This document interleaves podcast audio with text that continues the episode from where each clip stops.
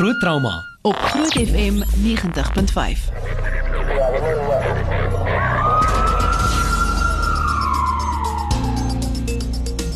Baie welkom by Groot Trauma en uh saam met my weer Dr. Jaco van die kerk soos gewoonlik. Altyd lekker om jou te hê Jaco. Goeienaand Pieter, goeienaand almal wat luister. Jy klink so 'n bietjie siek Jaco. Ag man, dit is soos 'n dief in die nag gekom. Seker die burn-out wat ons nou van gaan praat. Sien hier is hier is die bewys dat dokters word ook siek. exactly. Hoor Jaco net so vinnig voor ons begin met die program baie geluk met jou verjaarsdag. Baie dankie. Uh, kan jy glo hoe voel dit oor 5 jaar van nou af is jy 40? Kan jy glo, hè? Ek dink vir die volgende 20 jaar ook. nee, van ons almal af hier so by Groot FM baie geluk met jou verjaarsdag en Baie uh, dankie. Baie dankie vir jou bydrae wat jy elke Woensdag aan kom gee hier so op die lig. Ek seker die luisteraar uh is weet hy ook baie daarvan. So as jy graag vir Jaco wil geluk sê met sy verjaarsdag, stuur sommer nou vir ons 'n WhatsApp 061 6104576 onthou standaard dat dit rewe geld.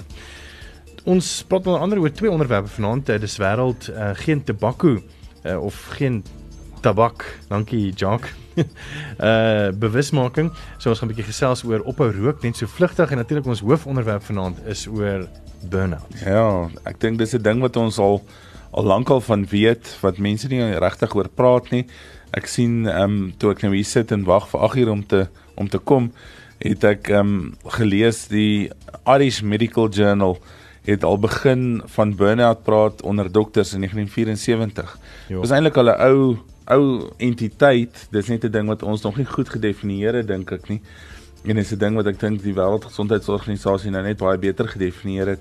En ehm um, die oomblik wat jy 'n definisie het van 'n ding, dan kan jy begin werk aan 'n ding. Mm. Voordat jy nie die definisie mooi mooi verstaan nie, weet jy nie waar dit vandaan kom nie. As jy weet waar dit vandaan kom, jy kan jy dit nie hanteer nie. Ek dink dit is belangrik vanaand. So kom ons kom sommer af. Uh, ons begin met ons onderwerp uh, dis wêreld geen tabak dag. Dankie Jacques, jy my so uitgehelp daar. Uh, hoekom rook mense? Pieter, vir verskeie redes. Ehm um, waarskynlik een van ons heel slegste gedrag. Ek dink dit is die maklike bekomming van van hierdie dwelmmiddel. Uh is die grootste rede. Dit ehm um, was vroeër jare as 'n baie aantreklike ehm um, uh, amper uh, gedrag of of 'n uh, aksie tussen vriende, mm. tussen geleenthede ehm um, aangetoon. Voorheen was dit 'n goedkoop middel uh, substansie om te bekom en en op elke hoek was 'n kafee. Ehm um, So dit so, was eintlik sosiaal aanvaarbaar om te rook. As mens kyk na die tydskrifte was daar in die flieks nog steeds. Ek dink ek dink erger as dit. Ek dink dit was sosiaal aangemoedig.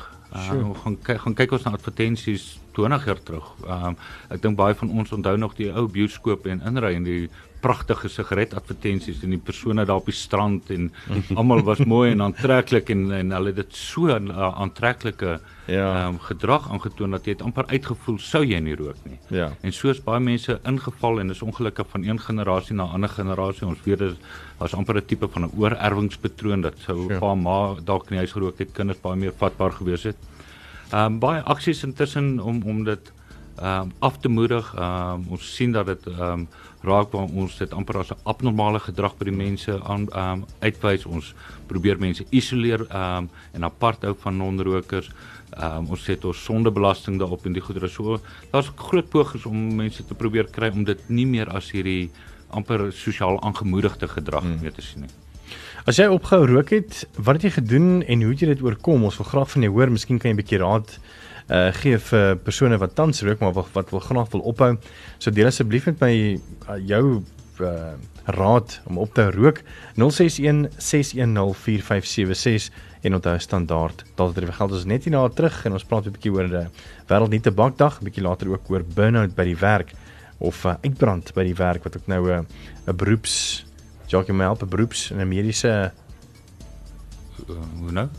Uh, beroep op burn-out wat Ja. ons nou 'n beroeps en 'n mediese Ja, dit is uh die die die Wêreldgesondheidsorganisasie het vir ons uh bietjie gehelp met 'n beter definiering um mm. binnekant ons wat ons noem die ICD-11 koderingsstelsel. Um dit word nie as 'n mediese kondisie geklassifiseer nie, maar dan as 'n beroepsgesondheid of 'n beroeps um kwelling um problematiek.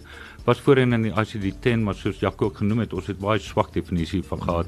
Dit het ook gemaak dat ons ons nie kon um universeel toespits op 'n homogene benadering na hierdie as 'n gesondheidstoestand het nie. So daai tyd ons gesels net hierna verder. Groot trauma Op Groot FM 90.5. Dis wêreld geen tabakdag vandag en ons gaan so vlug 'n bietjie gesels oor rook en uh die gevare daarvan natuurlik. Ons wil graag hê jy moet uh, ophou rook. Uh, iemand het gesê um, ek het op skool gerook, my pa het my in standaard 7 uitgevang deur die rookgoed in my tas te kry. Ek het my of hy het vir my pak slaaf van my lewe gegee en van daai dag af het ek nooit weer 'n sigaret gevat nie. Ek weet die ander ding is wat paas ook doen is dat hulle kinders die sigaret weet rook voor hulle rook. of opeet. Dis hy. ja, hoekom is sigarette so gevaarlik? Weet jy Pieter, ek dink meeste mense dink sigarette is 'n ding wat jy kan kan begin rook en as jy besluit dis verby, is dit verby. En ek dink dit is so maklik altyd nie. Um sigarette het tog 'n 'n fisiese effek ook of chemiese effek in die brein. In die sin dat mens kry of, of eintlik 'n 'n dopamien sekresie kan ek amper sê of 'n verhoging in dopamien effek in die brein en dit laat jou goed voel. Dit is net vir 'n klein rukkie en dis hoekom mense dan waarskynlik oor tyd meer en meer gaan rook en meer ehm um, nader aan mekaar gaan rook ehm um, omdat daai daai tyd is nie meer vir jou goed genoeg nie. Ja. So baie mense sê as jy regtig wil, sit net dit net neer en en los dit uit en en as jy regtig wil, is dit genoeg. Ek dink jy kan dit doen, maar ek dink nie dis 'n maklike paadjie nie. Ehm um, ek dink daar's baie emosionele komponente daarbey wat jy wat jy self moet deurwerk. Ehm um, Dr. Jacques Koning sê hy het sy laaste sigaret meer as 'n week terug gehad. So uh, hy kan dalk vir ons vertel hoe voel dit as 'n mens ewe skielik nie daai dopamien stimulasie kry nie. Jong ja, ek uh, dit was seker maar tyd vir my om ook uh, te, te practice what I preach. Ek raas baie erg met my pasiënte wat rook en uh, net daarna het ek baie keer ook uitgestap en self 'n sigaretjie gaan aansteek. Ehm um, ek rook ek het vir 28 jaar gerook ehm um, en en besluit dat dit moet ophou. So ek ek simpatiseer, ek empatiseer saam met my pasiënte. Ek het alles ook probeer, alles op die mark. Ek ek weet van die hipnose en van ag van kougom tot pilletjies tot akupunktuur. Ek ek ek ek hoor al die goedere en alles seker ook al waarskynlik probeer. Ehm um, dis 'n verskriklike moeilike gedragssubstans afhanklike middel om net te laat gaan. Ehm um, ek uh, dit wil ek eers vir pasiënte sê, dit is Ehm uh, enige taktik het waarskynlik omtrent 20% kans tot sukses. Daar is nie een taktik beter as die ander taktik nie. Ja. My ehm um, ek rook al 28 jaar. Ek het ehm um, maar net besluit die pakkie moet neerkom. Dit is tyd vir my. Ehm um, en vir my die tegniek wat ek maar gebruik is ek ehm um, sorg dat ek by die kafee ry, ek ry verby die petrolstasie. Ek stop net nie weer nie. Ek het net nie sigarette aan my nie. En ehm um, elke dag gooi ek maar die geld wat ek spaar by pakkie sigarette daar in 'n melkbottel en ek sal maar aan die einde van die maand seker motorfiets koop en 'n ander slegte gedrag aan. ek moet daarom sê ehm um, die, die die die omdat ek nou self daardeur gaan uh, die die die afhanklikheid die die die nikotien dopamien afhanklikheid dit dit neem so dag tot 3 dae vir die gemiddelde persoon uh wat die onttrekking is um en dan is dit werklik die gedrag. Mense moet onthou dis oor jare wat hierdie neurologiese baanweë geskep is, hierdie gedrag daar ingeskep het, hierdie emosionele, fisiese en psigiese afhanklikheid daarvan. En dit is die moeiliker gedeelte en dis die een wat die pasiënte baie keer teruggooi.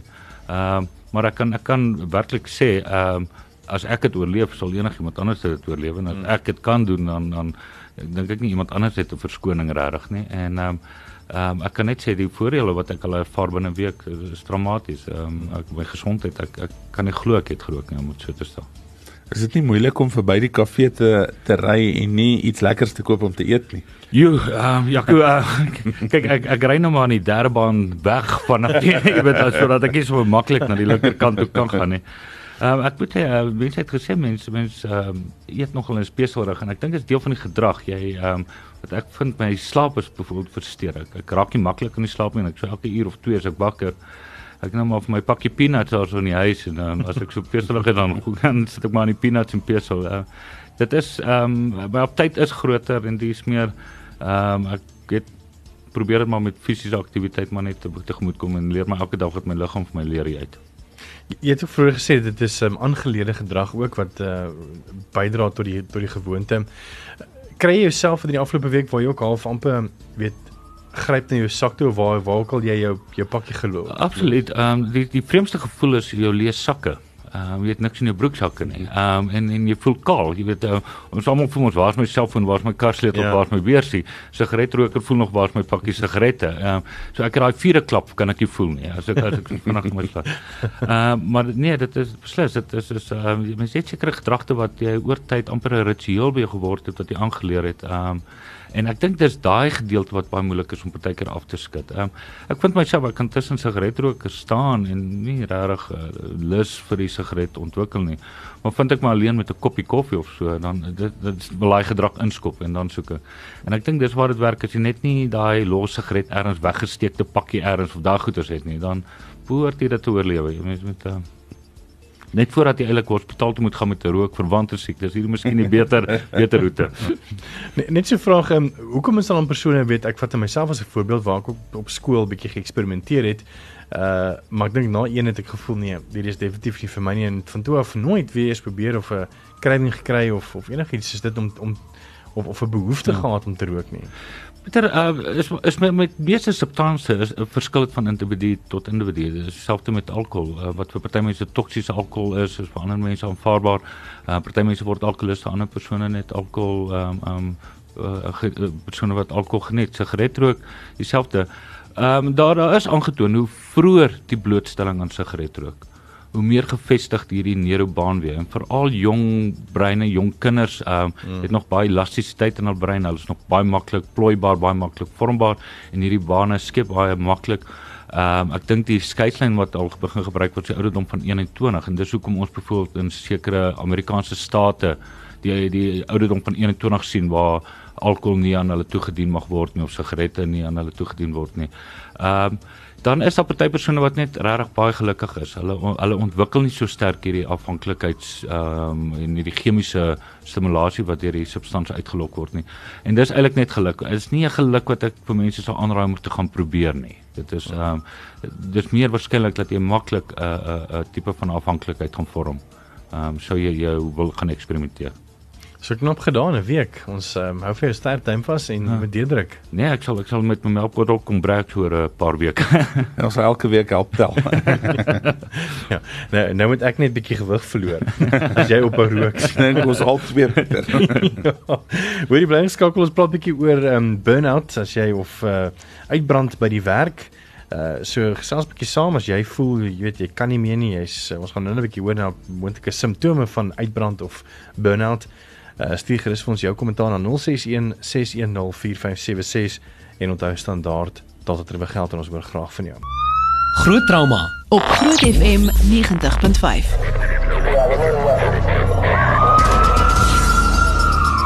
So hoe gaan dit by die werk? Is jy moeg? Is jy oorwerk? Is jy besig om uit te brand? Uh daar's 'n nuwe ek dink 'n lekker woord wat nou half op media rondgegooi word, burnout. Jaco, wat ja. is dit en uh, is dit 'n kwaal met 'n mens bekommerd raak? Pieter, ek dink dit is soos dokter Koning nou gesê het, burn-out is nie 'n 'n mediese siekte dink ek soos hipertensie nie. Ek dink dit is meer 'n werks of 'n beroepsgeassosieerde sindroom of of toestand. Ehm um, en ek wil dit nie simptome noem nie, ek wil eerder karakteristikke noem. Ehm um, en en die Wêreldgesondheidsorganisasie sê van die belangrikste karakteristikke is as jy by die werk kom en jy voel jy was altyd meer effektief as wat jy nou is. So jy verloor bietjie effektiwiteit. Daar kan veelvuldige redes voor wees. As jy by die werk kom of jy is op pad werk toe nog of jy is nog by die huis maar jy weet jy moet werk toe gaan en jy daai negatiewe gevoel en hierdie siniese gevoel oor die werk, jy sien lus om te gaan nie. Ehm um, en dan uit die aard van die saak en ek dink daar's baie mense wat daarmee kan assosieer is kroniese moegheid. Ehm um, jy voel net jy het nie genoeg energie nie. Jy weet mense kom, ek spot baie keer en sê mense kom en sê hulle kan nie hulle hande bo hulle koppe oplig nie. Sê ek maar hulle moet dit nie doen nie, hulle moet net regop sit. so moeg, hulle kan nie lewe nie. En ek dink as 'n mens al daai goeders bymekaar sit, dan het jy 'n baie mooi beeld van iemand wat ly aan burn-out of uitbrandsindroom. Ehm um, ek dink as ons gaan kyk na die mense wat die meeste aan uitbrandsindroom ly sit ehm um, soos dokter Koning nou gesê het twee van die van die top 3 dink ek sit hier. Ehm um, en die een is interniste ander is noodgevalle dokters ehm um, intensiviste pediaters. Hulle hulle tel as as as van die mense wat die meeste aan burn-out ly. En ek dink daar's veelvuldige redes. Ek dink dokter Koning kan ook nou, nou sê hoekom ehm um, hy so dink maar daar's veelvuldige redes hoekom mense wat hoë stres werk het, um en wat baie keer moeilike besluite moet maak, um meer geneig is om hierdie hierdie sindroom of of toestand aan te ly. Net 'n vinnige vraag. Ehm um, wat kan gebeur as jy nou, ek meen jy ly nou miskien aan aan oorwerk en burn-out met die simptome wat jy nou genoem het. Hmm. Maar wat kan met jou liggaam fisies gebeur ehm um, as jy hierdie sindroom het? Peter, eerstens uh burn-out sindroom, mimiek depressie. Ehm um, dit is amper 'n depressiewe persoon. Ehm uh, 'n ander toestand wat baie sterk hiermee geassosieer kan word is jou posttraumatiese stressindroom tipe beeld met met ehm um, gebeurtenisse. Mm. Uh in jou onmiddellike omgewing natuurlik gaan dit ehm um, en soos wat ehm um, Jaco gesê het is is die van effektiwiteit. Jy, jy verloor 'n effektiewe persoon by die werksplek. En jy kan dink in jou werksmilieu afhangende, maar dink byvoorbeeld aan jou beroep, mediese beroepe, um, dink aan iemand wat in ICU of pediater, ongevalle dokter, is net ewesklik nie meer effektiwiteit, uh, is nie meer effektief nie. Hierdie kan lei na na mediese probleme, na nalatigheid, um, goedere in die raak sien, misdiagnose, verkeerde behandelinge um, mm. en en dis meer.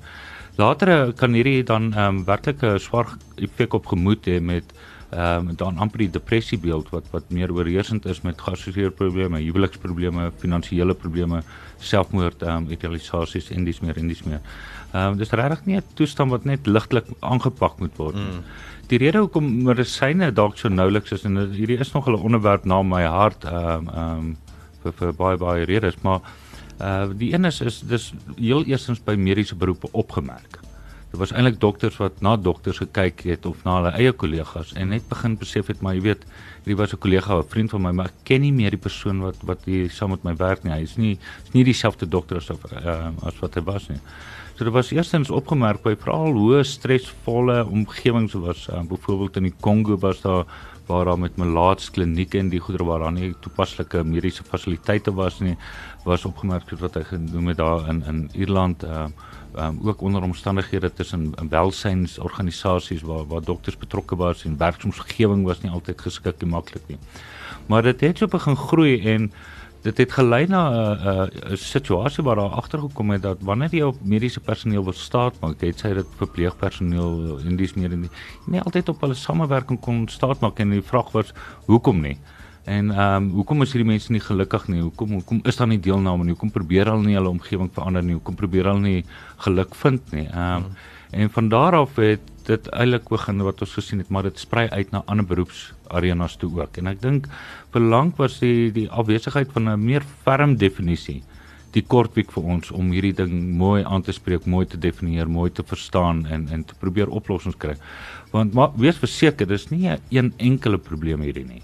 Hierdie is werklik 'n sindroom. Dis klomp faktore. Dit is van die individu self maar tot 'n werksomgewing en eintlik berus die diagnose op 'n uh, wil amper sê toksiese werksomgewing vir die individu. Hmm. En die individu voel magteloos om hierdie omgewing te kan verander. En dis waar hierdie simptome ingaan. En om dit aan te spreek, dit gaan nie maklik wees nie. Dit gaan dit gaan van klomp oor klomp klomp intervensies verg.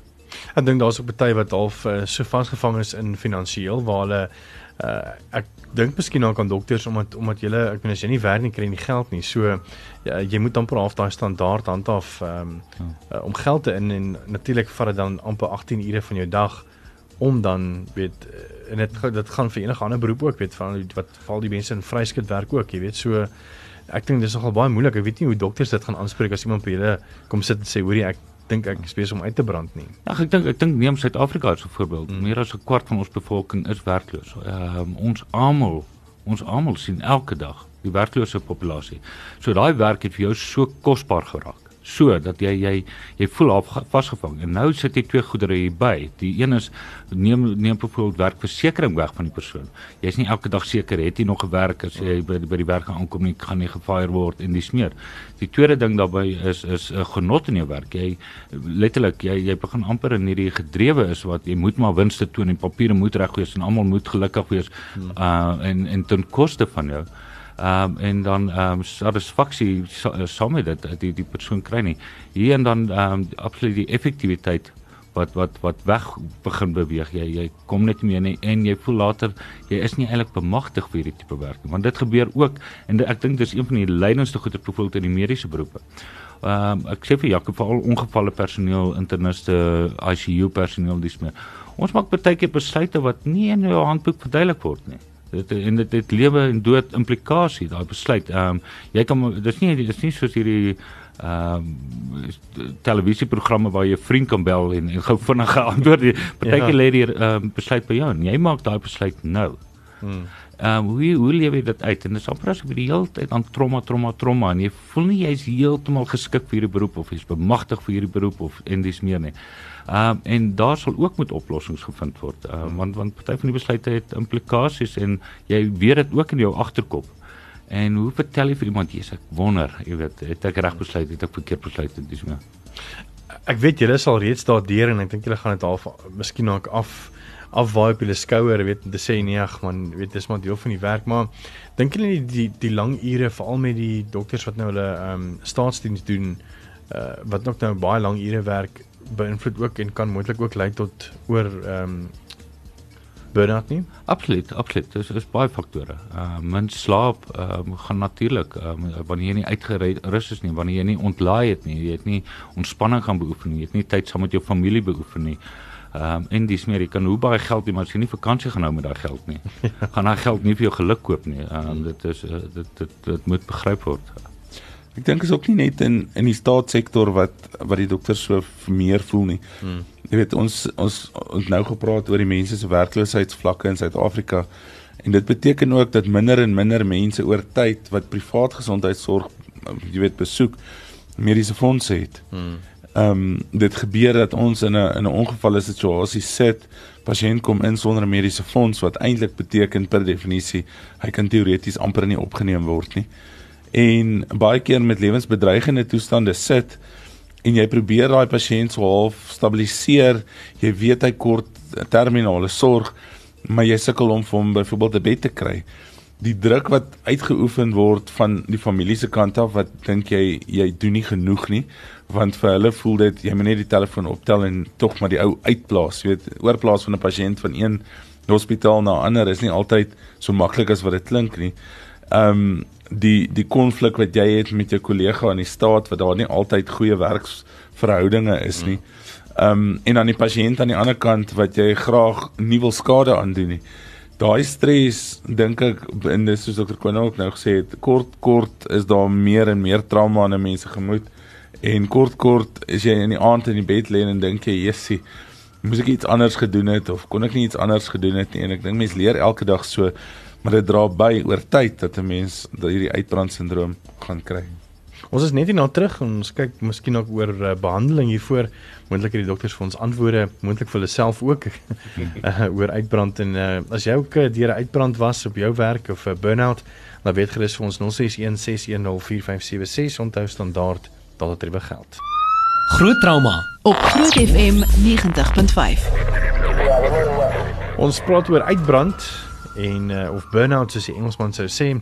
Ehm um, wat baie meer algemeen raak, nee Jaco? Baie baie algemeen. Ehm um, ek dink dit is mens mooi na jouself gaan kyk en en baie van die van die professionele beroepe dan gaan jy sukkel met uitbrand simptome of 'n deel daarvan. Ehm um, dit gesê is hier 'n vraag wat deurgekom het um, van Nikki Koortse. Sy sê sy's 'n perinatale troostdoula of 'n doodsdoel wat ehm um, en uitbranding as gevolg van die feit dat mense konstant met die dood deel hmm. is 'n groot probleem. Hoe voel dokter Koning oor compassion fatigue? Kom ons begin net gou vinnig oor wat wat is 'n perinatale troostdoula? Ehm um, dis basies 'n um, opgeleide persoon in in baie instand ehm um, gevalle waar hulle hulp aanbied vir 'n uh, persoon byvoorbeeld by uh terminale siekte waar um aan die dood afgestaan geword wat hulle of en of aan die familie kan vertroosting bied en of aan die pasiënt self. Um ek ken toevallig vir Nikki persoonlik. Um sy is ook baie meer betrokke by neonatologie waar byvoorbeeld by miskraamgebeurtenisse of intrauteriene sterftes of um, um post uh, geboorte sterftes dan 'n uh, uh, rouproses gaan inhou waar sy dan die familie en die betrokkenes en veral die pasiënt uh, direk daardeur geraak dan um, um, kan ondersteun. So en en 'n vraag oor die feit dat sy konstant met die dood ehm um, moet moet handel uh, raak baie keer 'n probleem en, en hoe voel u uh, dokter Koning oor die compassion fatigue?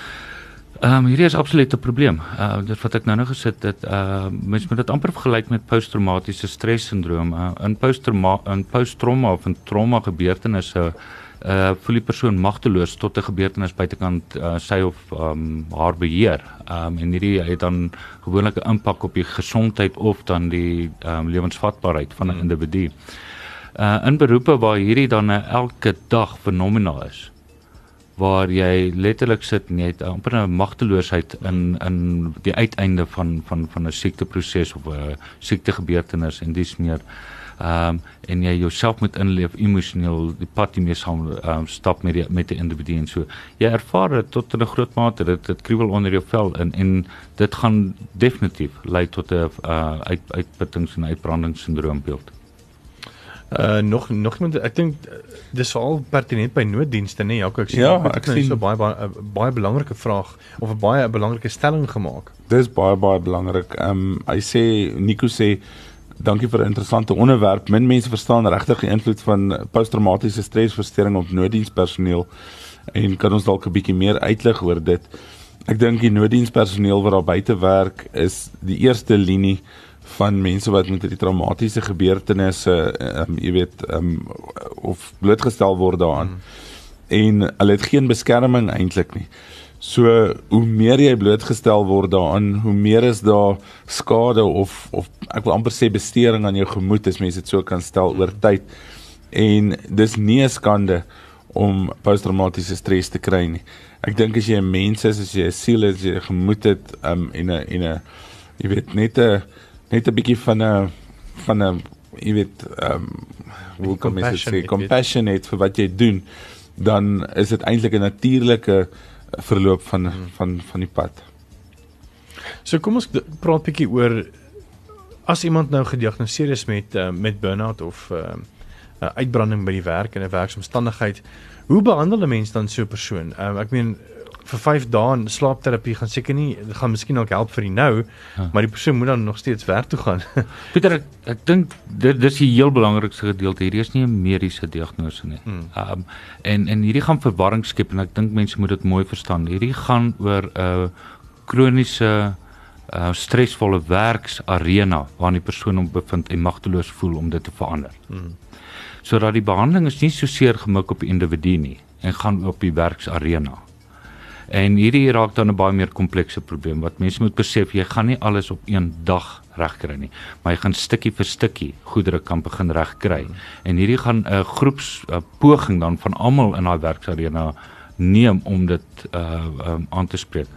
Uh ek toe ek dit ry toe sit ek en dink die beste beste wyse byvoorbeeld as jy byvoorbeeld 'n werkgewer is en en jy wil jou werknemers beskerm teen is om te dink sal jy graag onder dieselfde omstandighede wil werk. Hmm en hoe sal jou funksionering in omstandighede wees? En skep dit waar jy uh, lekker in sal werk. Skep dit so vir jou werknemer.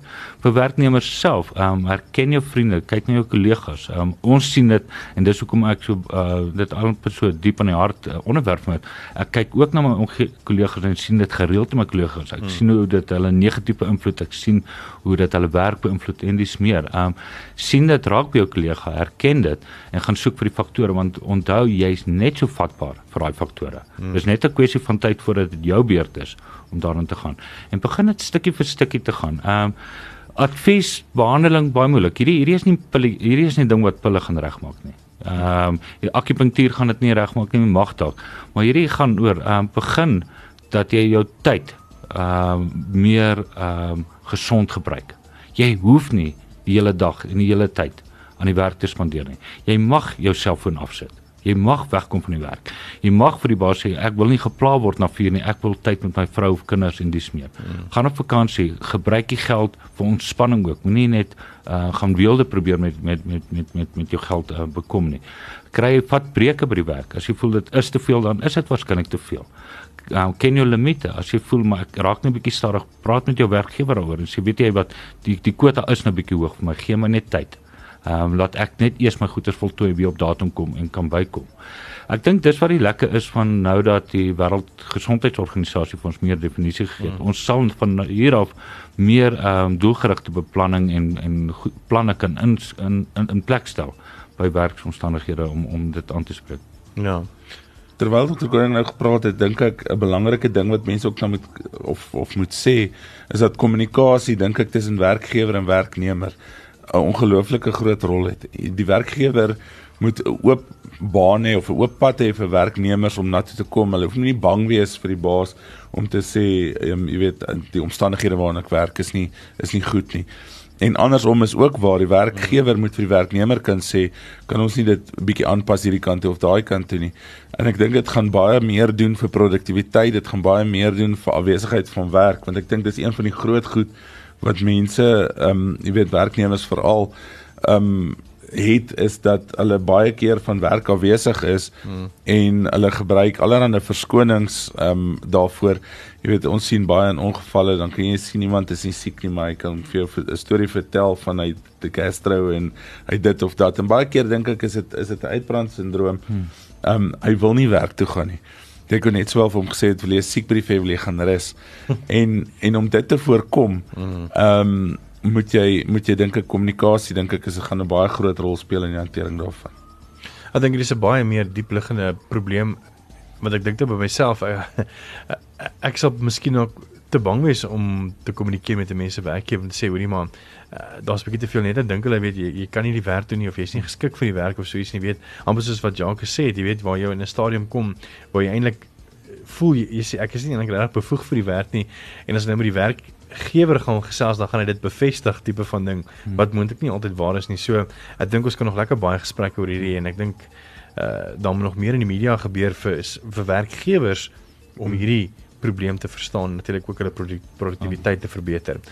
Ek dink dis dit vir finansie program lekker. Ons het lekker saamgesels. Baie dankie ook aan jou wat uh, jou boodskap gestuur het en uh, ook vir Jaco geluk gesê het in sy verjaarsdag. Baie dankie. Ja, ander goeie. So weer eens baie dankie vir julle elkeen. Dr. Jaco van die kerk van Met 24 trauma dokter en en en en Dr. Jacques Koning uh internis en en en en daar's so baie goed wat hulle ook nog doen. So wees baie dankie vir julle wat ingekom het en ehm um, 'n bietjie julle kennis gedeel het. Nog so laaste woordjie oor uitbrand of tabak. Ehm um, eerste ding is hou prook, dit is moontlik. Ek ek kan dit doen ehm um, en en een week, uh, maar dit die eerste week ehm yes. um, as ek dit kan doen, kan jy dit doen. Tweede ding is ehm um, rondom uitbranding, ehm um, besef dat as die wêreldgesondheidsorganisasie aandag dan gee, dan impliseer dit dis nie net 'n probleem vir Suid-Afrika nie, hierdie is 'n wêreldwye probleem. Jy ja. is nie uniek nie, jy is nie alleen nie. Ehm um, ons is almal saam in dieselfde bootjie. Kom ons kry saam oplossings ook hiervoor. Ja, ek dink van my kant af uitbrandsindroom is 'n realiteit en jy moet na jouself kyk. Ehm um, niemand anders gaan dit doen as jy nie by jouself begin nie. Ja. So begin by jouself, kyk mooi na jouself en probeer om te kommunikeer al is dit moeilik. Daar's dit uh, dis van ons program uh kommunikasie baie belangrik, soos Jaco gesê het en uh, ek dink gelees bietjie meer oor hierdie. Uh, Daar's baie artikels op verskeie platforms juis oor burn-out uh, val internasionale publikasies so CNN en die meer so gelees gerus daaroor op. Dankie dat jy saam geluister het. Uh, ons maak volgende week Woensdag weer so hierdie pot gooi sal dan ook so teen se kant hopelik op die webblad wees en as jy graag wil om weer luister, hy's elke Dinsdagoggend 1:00 die oggend kan jy weer na die hele program luister uh in ons reeks van uh, programme wat dan weer uitspeel. Weens dankie en geniet meer musiek tot môreoggend 5:30 van die groot ontbytspan jou gaan wakker maak.